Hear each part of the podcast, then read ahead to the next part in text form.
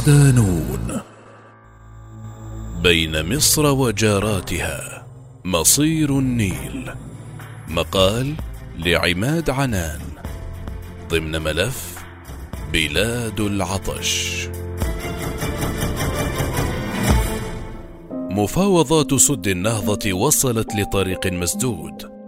هكذا توجت القاهرة المسار التفاوضي للأزمة الأكثر حضورا على الساحة المصرية منذ 2011 وحتى اليوم ليحبس المصريون أنفاسهم بشأن مستقبل أمنهم المائي الذي يزداد غموضا يوما تلو الآخر. في الوقت الذي تواصل فيه أديس بابا تأكيداتها قرب دخول السد حيز التنفيذ. ما يزيد على عشرين جولة مفاوضات مكوكية عقدها الأطراف الثلاث لمناقشة الأزمة ما بين القاهرة وأديس بابا مرورا بالخرطوم باءت جميعها بالفشل. وذلك بعدما حمل كل طرف الآخر مسؤولية الوصول إلى هذا النفق المظلم لتبقى كل الخيارات مفتوحة أمام الجميع. وتبقى اتفاقية المبادئ التي وقعها الرئيس المصري عبد الفتاح السيسي في الخرطوم سنة 2015 بمشاركة ممثل السودان وإثيوبيا الضوء الأخضر الذي أعطى الإثيوبيين الشرعية الدولية لبناء السد.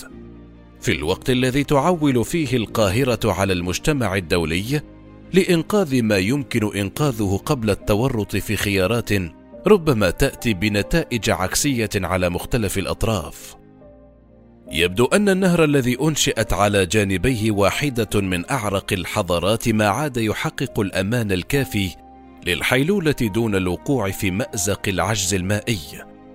فالأمر تجاوز فكرة العمق الحضاري إلى واقع أكثر بؤسا حين تجد الشعوب المتناثرة على مجاري هذا النهر نفسها أسيرة مستقبل غامض يهدد حياتها ويدفع بها إلى آتون حرب حتمية للبقاء لا أكثر.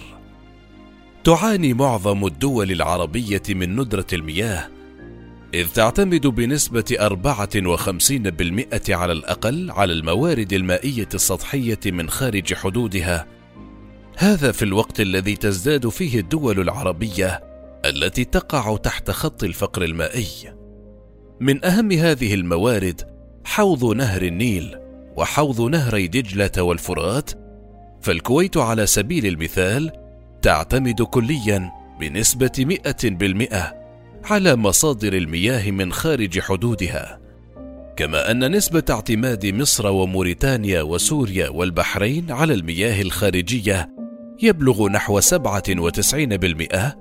وفق دراسة نشرت عام 2014 ليس نهر النيل أحد أكبر أنهار العالم بمعزل عن هذا التهديد إذ تقبع مصر والسودان كونهما البلدين الأكثر اعتمادا على مياه النيل في حالة تهديد مستمرة لأمنهما المائي في ظل حزمة من التهديدات تضفي الغموض والقلق على مستقبلهما المائي.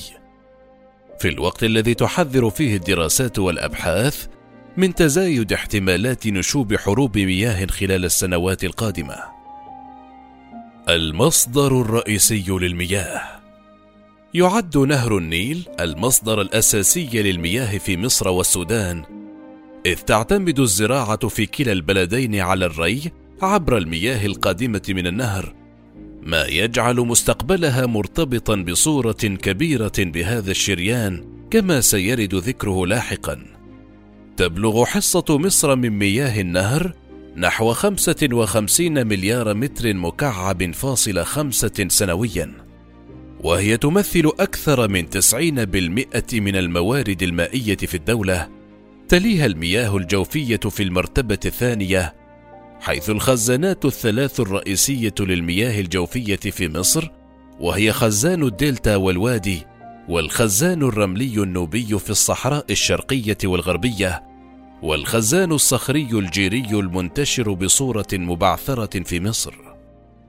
يذكر أن خزان حوض النيل هو الأكبر بين تلك الخزانات إذ لديه قدرة كبيرة على تخزين المياه ويستخدم نحو أربع مليارات متر مكعب من إجمالي سبعة مليارات متر مكعب فاصل خمسة من خزان المياه الجوفية لإمداد المدن والقرى بالمياه الصالحة للشرب.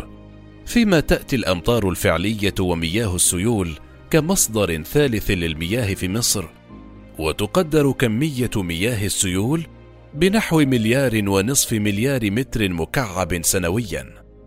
علاوة على هذا هناك مصادر أخرى غير تقليدية للمياه على رأسها إعادة استخدام مياه الصرف الزراعي حيث يعاد استخدام نحو أربع مليارات ونصف مليار متر مكعب سنويا لأغراض الري وهناك إمكانية لإعادة استخدام خمس مليارات متر مكعب سنويا من هذه المياه لأغراض الري من إجمالي 12 مليار متر مكعب من المياه التي تصرف في البحر سنويا بهدف الحفاظ على الميزان الملحي في الأراضي والمياه الجوفية.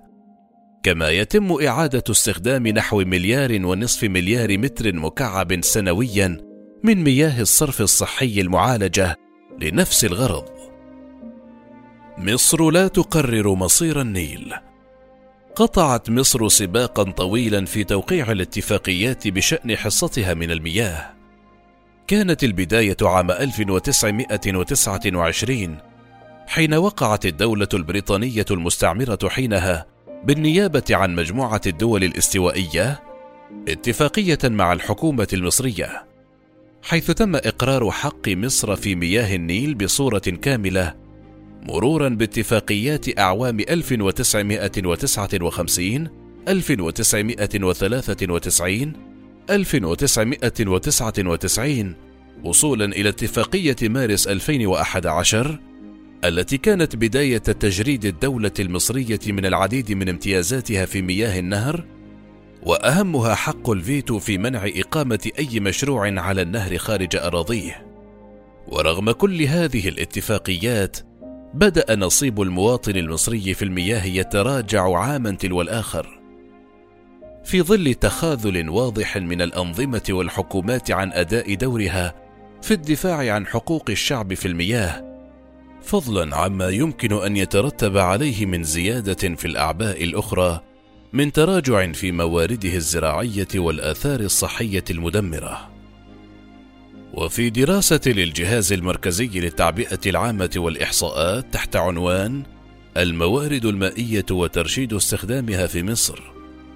أشار فيها إلى ارتفاع الاستخدامات من الموارد المائية المتاحة من 66.6 مليار متر مكعب إلى 74.5 مليار متر مكعب بنسبة زيادة 23.7%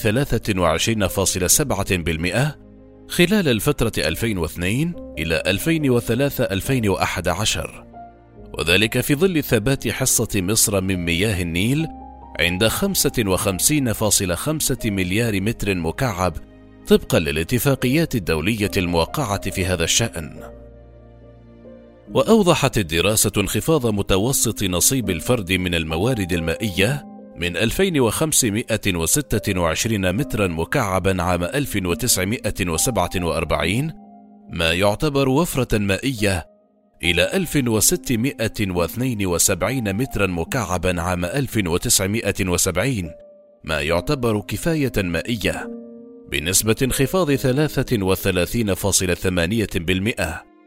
وإلى 643 مترا مكعبا عام 2013 ما يعتبر فقرا مائي بنسبة 60.3% ومن المتوقع بلوغه 475 مترا مكعبا عام 2025 مصر تحديات المستقبل المائي.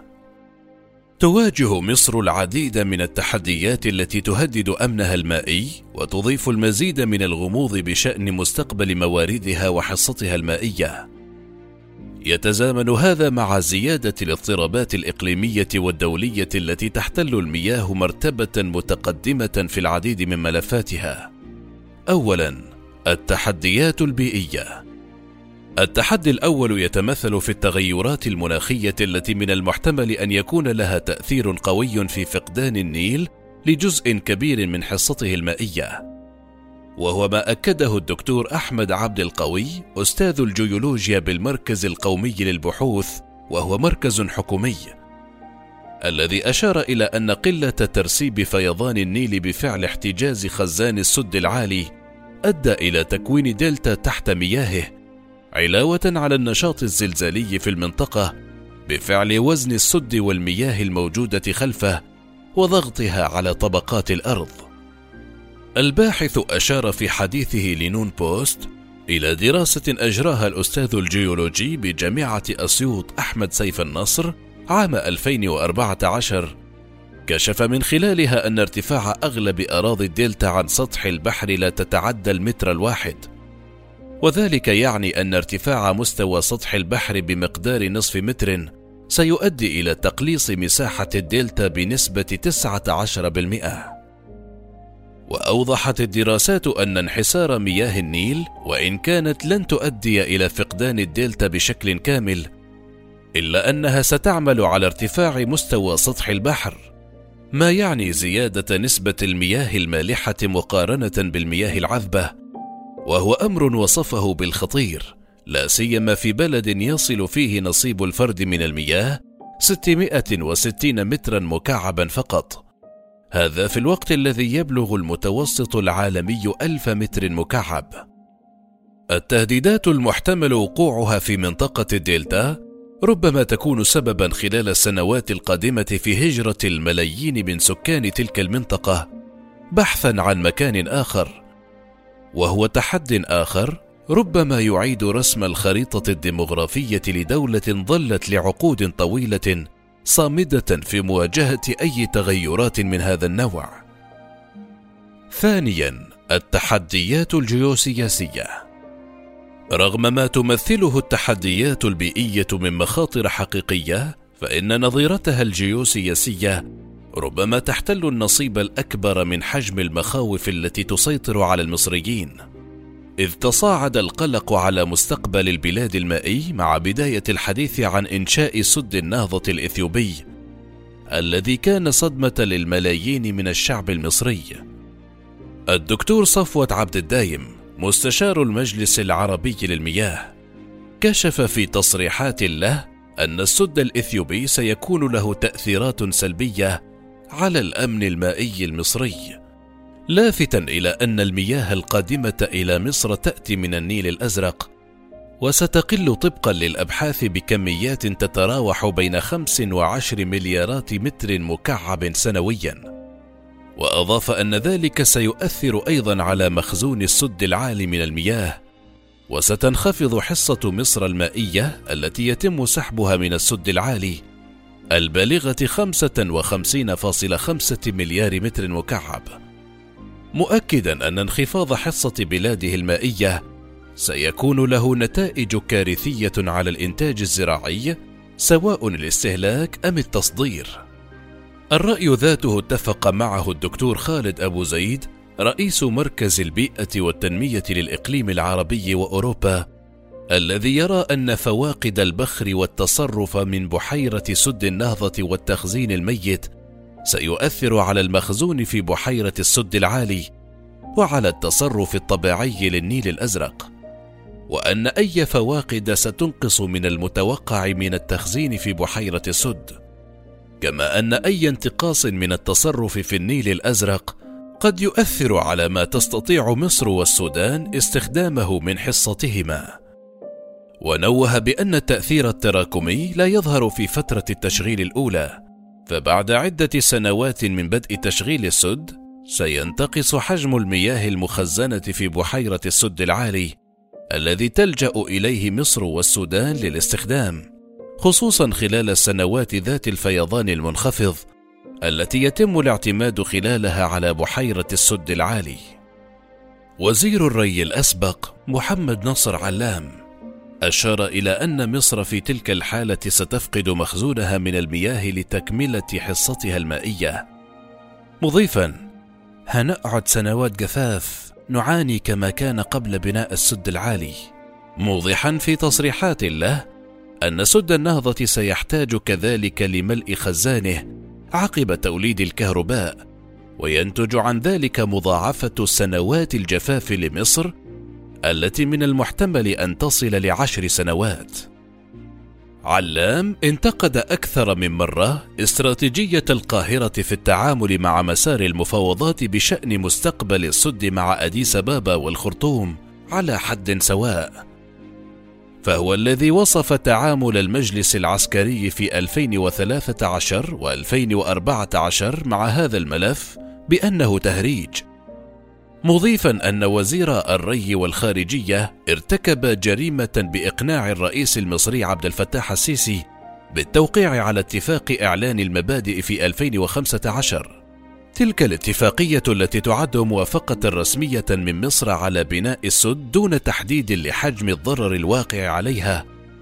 وهو ما يجعلنا مكتوفي الأيدي في حال وقوع ضرر بالغ على مصر وهو أمر لا مفر منه. بحد تعبيره. إسرائيل علامة استفهام. كانت دولة الاحتلال الإسرائيلي حاضرة بقوة في المراتب المتقدمة للتحديات التي تواجه مستقبل مصر المائي حيث فقدت مصر خلال العقود الثلاثة الأخيرة ما يقرب من عشرين مليار متر مكعب في سيناء فقط. تمكنت إسرائيل من سرقتها عبر السحب الجائر من خزان المياه الجوفية بسيناء. منهم ما يقرب من 30 مليون متر مكعب من مياه السيول على مدار الخمس سنوات الماضية. بسبب عدم وجود خزانات معدة لتخزين مياه السيول وحفرت إسرائيل ثمانين بئرا بعمق ثمانمائة متر بصحراء النقب لاستغلال المياه الجوفية المصرية وفقا لما كشفه الدكتور محمد إبراهيم جاد أستاذ المياه ورئيس وحدة النماذج الرياضية بمركز بحوث الصحراء الحكومي. ووفقا لتقرير صادر عن المركز تسبب هذا السحب في أحداث تغيرات في خواص المياه المتبقية لا سيما شمال سيناء مما جعلها غير صالحة للزراعة أو الاستخدام الآدمي. لتفقد مصر موردا جديدا من موارد الحياة في سيناء بعدما فقدت الثروات المعدنية في السابق نتيجة تجاهل الحكومات المتعاقبة لهذه القطعة البارزة من أرض مصر. منذ حرب 1967 وحتى الآن. وفي تقرير آخر صادر عن مركز الأرض لحقوق الإنسان وهو مركز مستقل تحت عنوان المياه في مصر بين واقع أليم ومستقبل خطير. كشف النقاب عن حزمة من المشروعات التي أنشأتها تل أبيب للتأثير على مياه النيل منها مشروع استغلال الآبار الجوفية حيث حفرت آبارا جوفية بالقرب من الحدود المصرية ومشروع اليشع كالي ويقضي بنقل مياه النيل إلى إسرائيل.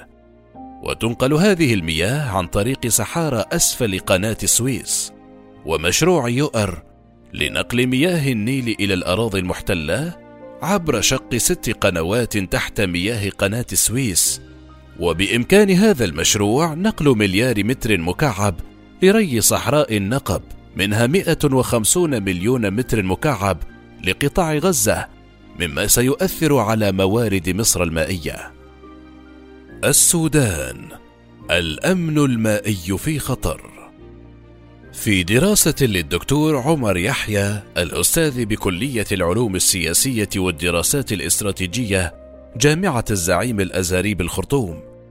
استعرض عددا من التحديات التي تواجه الأمن المائي السوداني. إذ تناول قرابة عشر مهددات متنوعة تباينت في خطورتها وتأثيرها من فترة زمنية لأخرى. التحدي الأول وفق ما ذهب إليه كان ديمغرافيا في المقام الأول حيث القفزة في أعداد السكان بنسب تقترب من 350% خلال 60 عاما. هذه القفزة ساعدت في ارتفاع نسبة الهجرة من الريف إلى المدن بشكل عام، بما يشكل ضغطا متزايدا على مصادر المياه المحددة في تلك المناطق في ظل بنية تحتية مترهلة.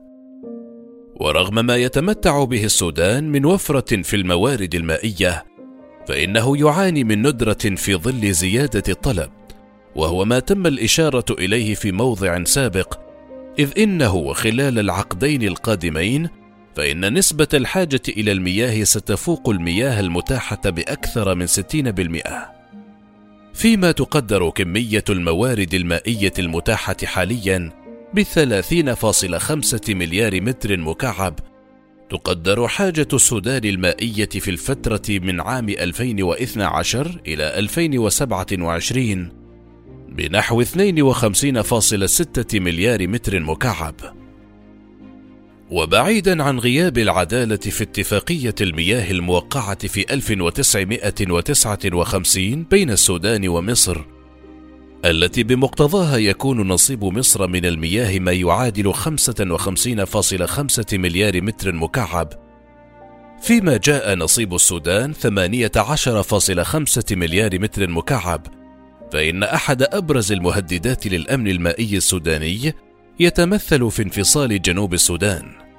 ويرجع هذا التأثير وفق ما ذهب الأستاذ بجامعة الزعيم الأزاري إلى أن معظم المستنقعات المائية تقع في جنوب السودان وبذلك فقد السودان نسبة كبيرة من المخزون المائي الذي كان من الممكن الاستعانة به في أي مشروع تنموي في المستقبل. فمع بروز جنوب السودان كدولة مستقلة في التاسع من يوليو عام 2011 ارتفع عدد دول حوض النيل إلى أحد عشر دولة تتقاسم فيما بينها مياه النيل مجتمعة. الدراسات تشير إلى أن نحو عشرين بالمئة من حوض النيل يقع في جنوب السودان. لتحتل بذلك المرتبة الثانية من حيث المساحة في دول الحوض بعد السودان الذي يقع فيه ما يقارب خمسة وأربعين بالمئة من الحوض. علاوة على أن نحو تسعين بالمئة من جنوب السودان يقع داخل حوض النيل. وتقع المدن الرئيسية الثلاثة في البلاد جوبا وملكال وواو على النيل الأبيض أو أحد روافده. كما تمثل الحروب والصراعات الداخلية مهددا مهما، إذ لا يزال السودان يعاني من صراعات عديدة مثل دارفور والشرق وجنوب كردفان والنيل الأزرق، وهو ما قد يؤدي إلى إهدار الموارد المائية فضلا عن تلوثها من جانب آخر. هذا بخلاف صعوبة إنشاء مشروعات مائية في المناطق التي تشهد حالة من النزاع. التغيرات المناخية كانت حاضرة بقوة في قائمة التحديات التي تعترض مستقبل مياه السودان. فالتقلبات البيئية من جفاف وتصحر وتغيرات مناخية باتت آثارها واضحة مما يؤدي إلى تقليل هطول الأمطار وتزايد الصراع على الموارد المائية ومن المعروف وعلى حسب الخبراء في مجال المياه أن الحرب القادمة سوف تكون على المياه والتدهور البيئي. البعض ذهب إلى أن تأثير سد النهضة سينحصر على الجانب المصري فحسب غير أن الدراسات المختلفة تشير إلى أن التأثير سيمتد بصورة أو بأخرى إلى الضلع السوداني. إذ من المقرر أن يحرم السد البلاد من مياه الفيضانات التي تغذي المياه الجوفية وتخصب التربة، وهي التي تحقق مخزونا استراتيجيا يمكن استغلاله في أوقات الجفاف. الدراسة ذهبت إلى أن السد سينجم عنه زيادة العجز المائي بعد ارتفاع السعة التخزينية إلى 150 مليار متر مكعب مما سيؤثر سلبا على البيئة والأسماك والحياة المائية بشكل عام. ويبدو أن ملء الخزانات إلى مستوى التشغيل سيؤدي إلى خفض الإيراد المائي الشهري للنيل الأزرق طيلة فترة ملء الخزان. وأخيرا تأتي الأطماع الخارجية لتكمل قائمة التحديات المائية السودانية إذ تتعرض الدول الإفريقية عموما التي تعاني من صراعات داخلية متشعبة والسودان على وجه التحديد إلى تآمر دولي باستمرار. فبجانب الجيران ودول القارة هناك ضغوط أخرى يأتي على رأسها الكيان الصهيوني الذي يستخدم نهر النيل للضغط على السودان ومصر في آن واحد. الأكاديمي السوداني يشير إلى أن تل أبيب تلعب كما كانت في السابق دورا سلبيا في جنوب السودان حيث حرضت الجنوبيين ضد السودان وسلحتهم ودربتهم. وليس من المستبعد أنها ستستعملهم في المستقبل خاصة إذا انفصلوا وأقاموا دولة مستقلة. لم يكن السودان بالأفضل حالا إذ تشير الدراسات إلى أنه وخلال العقدين القادمين فإن نسبة الحاجة إلى المياه ستفوق المياه المتاحة بأكثر من 60%، فيما تقدر كمية الموارد المائية المتاحة حاليا بخمسة مليارات متر مكعب فاصل ثلاثين. وتقدر حاجة البلاد المائية في الفترة من عام 2012 إلى 2027 بنحو 52.6 مليار متر مكعب مما يعكس حجم العجز الواضح الذي ترتب عليه تراجع ملحوظ في حصة المواطن السوداني من المياه لا سيما بعد الزيادة السكانية الهائلة حيث زاد عدد السكان من 12 مليونا في عام 1956 إلى نحو 40 مليونا حسب التعداد السكاني الأخير. مستقبل الزراعة إلى أين؟ بعيدا عن البعد السياسي والأمني، فمن المتوقع أن تكون هناك عواقب وخيمة لتلك التحديات على الجانب الاقتصادي، بداية من بوار الأراضي الزراعية مرورا بانقطاع التيار الكهربائي.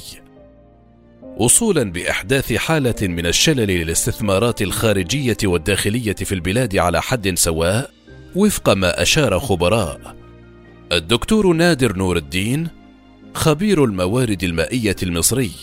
يرى أن مصر بات من الضروري أن تغير سياستها الزراعية للتعامل مع شح مواردها المائية بالاستغناء عن زراعات الأرز وهو ما بدأته فعليا بتقليص مساحات زراعته وشرعت قانونا أقره البرلمان بحبس المخالفين وتوقيع غرامة مالية كبيرة عليهم. وأضاف في مقال له أن ذلك سيؤدي إلى استيراد مصر لنصف احتياجاتها من الأرز بعد تخفيض مساحات زراعته التي تقدر بنحو مليوني طن سنويا من إجمالي أربعة ملايين طن إجمالي استهلاكها الحالي من الأرز. وبالتالي ستنفق مصر سنويا نحو مليار دولار لاستيراد الأرز فقط. هذا بخلاف وجوب تحويل زراعات قصب السكر في صعيد مصر إلى زراعة البنجر في الشمال. بما سيزيد من معاناة أهالي الصعيد الفقيرة التي تعاني من هجرة أبنائها إلى الشمال بسبب نقص فرص العمل. إذ أن زراعة قصب السكر في الصعيد توفر نحو 27 صناعة مكملة في مصانع إنتاج العسل الأسود والميثانول والملاس وكوز السكر والسكر النبات والخل والمقشات وغيرها. كذلك حتمية تخفيض زراعات بعض المحاصيل المستنزفة للمياه إلى النصف على الأقل وربما يصل الأمر إلى تخفيض مساحات الحاصلات الورقية العريضة مثل القلقاس والكرنب ومعها البرسيم والأعلاف وربما يؤدي الأمر إلى تخفيض زراعات الموسم الصيفي الحار إلى النصف بسبب استهلاكها الكبير للمياه بسبب الحرارة. وفقا للخبير المائي فإنه من المتوقع زيادة الفجوة الغذائية لتزيد الصادرات الغذائية المصرية التي تكلف مصر حاليا نحو 12 مليار دولار سنويا لتصبح من 15 إلى 17 مليار دولار سنويا. منوها إلى أنه لمحاولة سد تلك الفجوة ستدخل مصر في معترك تحلية مياه البحر. وهي تقنيات مكلفة لا تناسب الدول النامية والفقيرة مما سيضغط كثيرا على مواردها المالية ويرفع أسعار المياه بالإضافة إلى قلة إنتاج هذه التقنيات للمياه. مستشار المجلس العربي للمياه كان قد أشار إلى أن بعض الدراسات ذهبت إلى أنه إذا حدث انخفاض في الحصة المائية لمصر بمقدار خمس مليارات متر مكعب فإن القطاع الزراعي سيخسر نحو 75 مليار جنيه وإذا بلغ الانخفاض مقدار عشر مليارات متر مكعب سنويا فإن خسائر القطاع الزراعي ستصل إلى 150 مليارا في السنة. هذا الكلام أكدته شهادات عدة لعشرات الفلاحين والمزارعين الذين أشاروا إلى أنهم تلقوا تعليمات واضحة من جهات رسمية بعدم زراعة محصول الأرز العام الماضي وقبل الماضي. هذا بخلاف تعرض بعضهم لغرامات حال مخالفته لتلك التعليمات. هذا في الوقت الذي اضطر الكثير منهم إلى حرث أرضه بعد زراعتها أكثر من مرة لندرة المياه وهو ما يعني بالنسبة لهم موت وخراب ديار على حد وصفهم. سودانيا فإن الآثار المتوقعة بشأن توقف مياه الفيضان عن المنطقة الشرقية بعد سد النهضة التي كانت أراضيها تغمر بالمياه أربعة أشهر كل عام. يمكن أن يؤدي إلى تدهور أراضي ولايتي النيل الأزرق وكسلا بسبب غياب غسيل أراضيها دوريا بالإضافة إلى حتمية تحول السودان إلى الزراعة المروية في هذه المنطقة وتغيير نمط الزراعة الحالية وذلك وفق ما أشار إليه نور الدين. وعليه بات من الضروري على الجانب السوداني التغيير إلى الزراعة المروية لنحو مليون هكتار في الولايات الشرقية وإقامة شبكة مكلفة من الترع والمصارف التي تتطلب تدبير مليارات الدولارات قد لا يتحملها الاقتصاد السوداني في الوقت الحالي إلا أنه إذا استطاعت البلاد بدعم إثيوبي أو بغيره إنشاء شبكة الري والصرف في أراضي ولايتي النيل الأزرق وكسلا فقد يكون باستطاعتها زراعة الحاصلات الصيفية الاستراتيجية. التحول إلى الزراعة المروية يعني من جهة أخرى التحول إلى استخدام الأسمدة الكيميائية والمبيدات المضرة وهو ما قد ينجم عنه آثار كارثية أخرى صحيا وبيئيا ما يجعل من إعداد الدراسات والتقارير المتعلقة بكيفية إدارة المرحلة المقبلة امرا في غاية الأهمية والخطورة. وفي المجمل يبدو أن السنوات القادمة ستحمل الكثير من التحديات التي ربما ستضع مستقبل الأمن المائي لكلا الشعبين المصري والسوداني على المحك. وإن كان هذا يتوقف على قدرة السلطات في البلدين على مواجهة تلك التحديات والتعاطي معها بصورة أو بأخرى.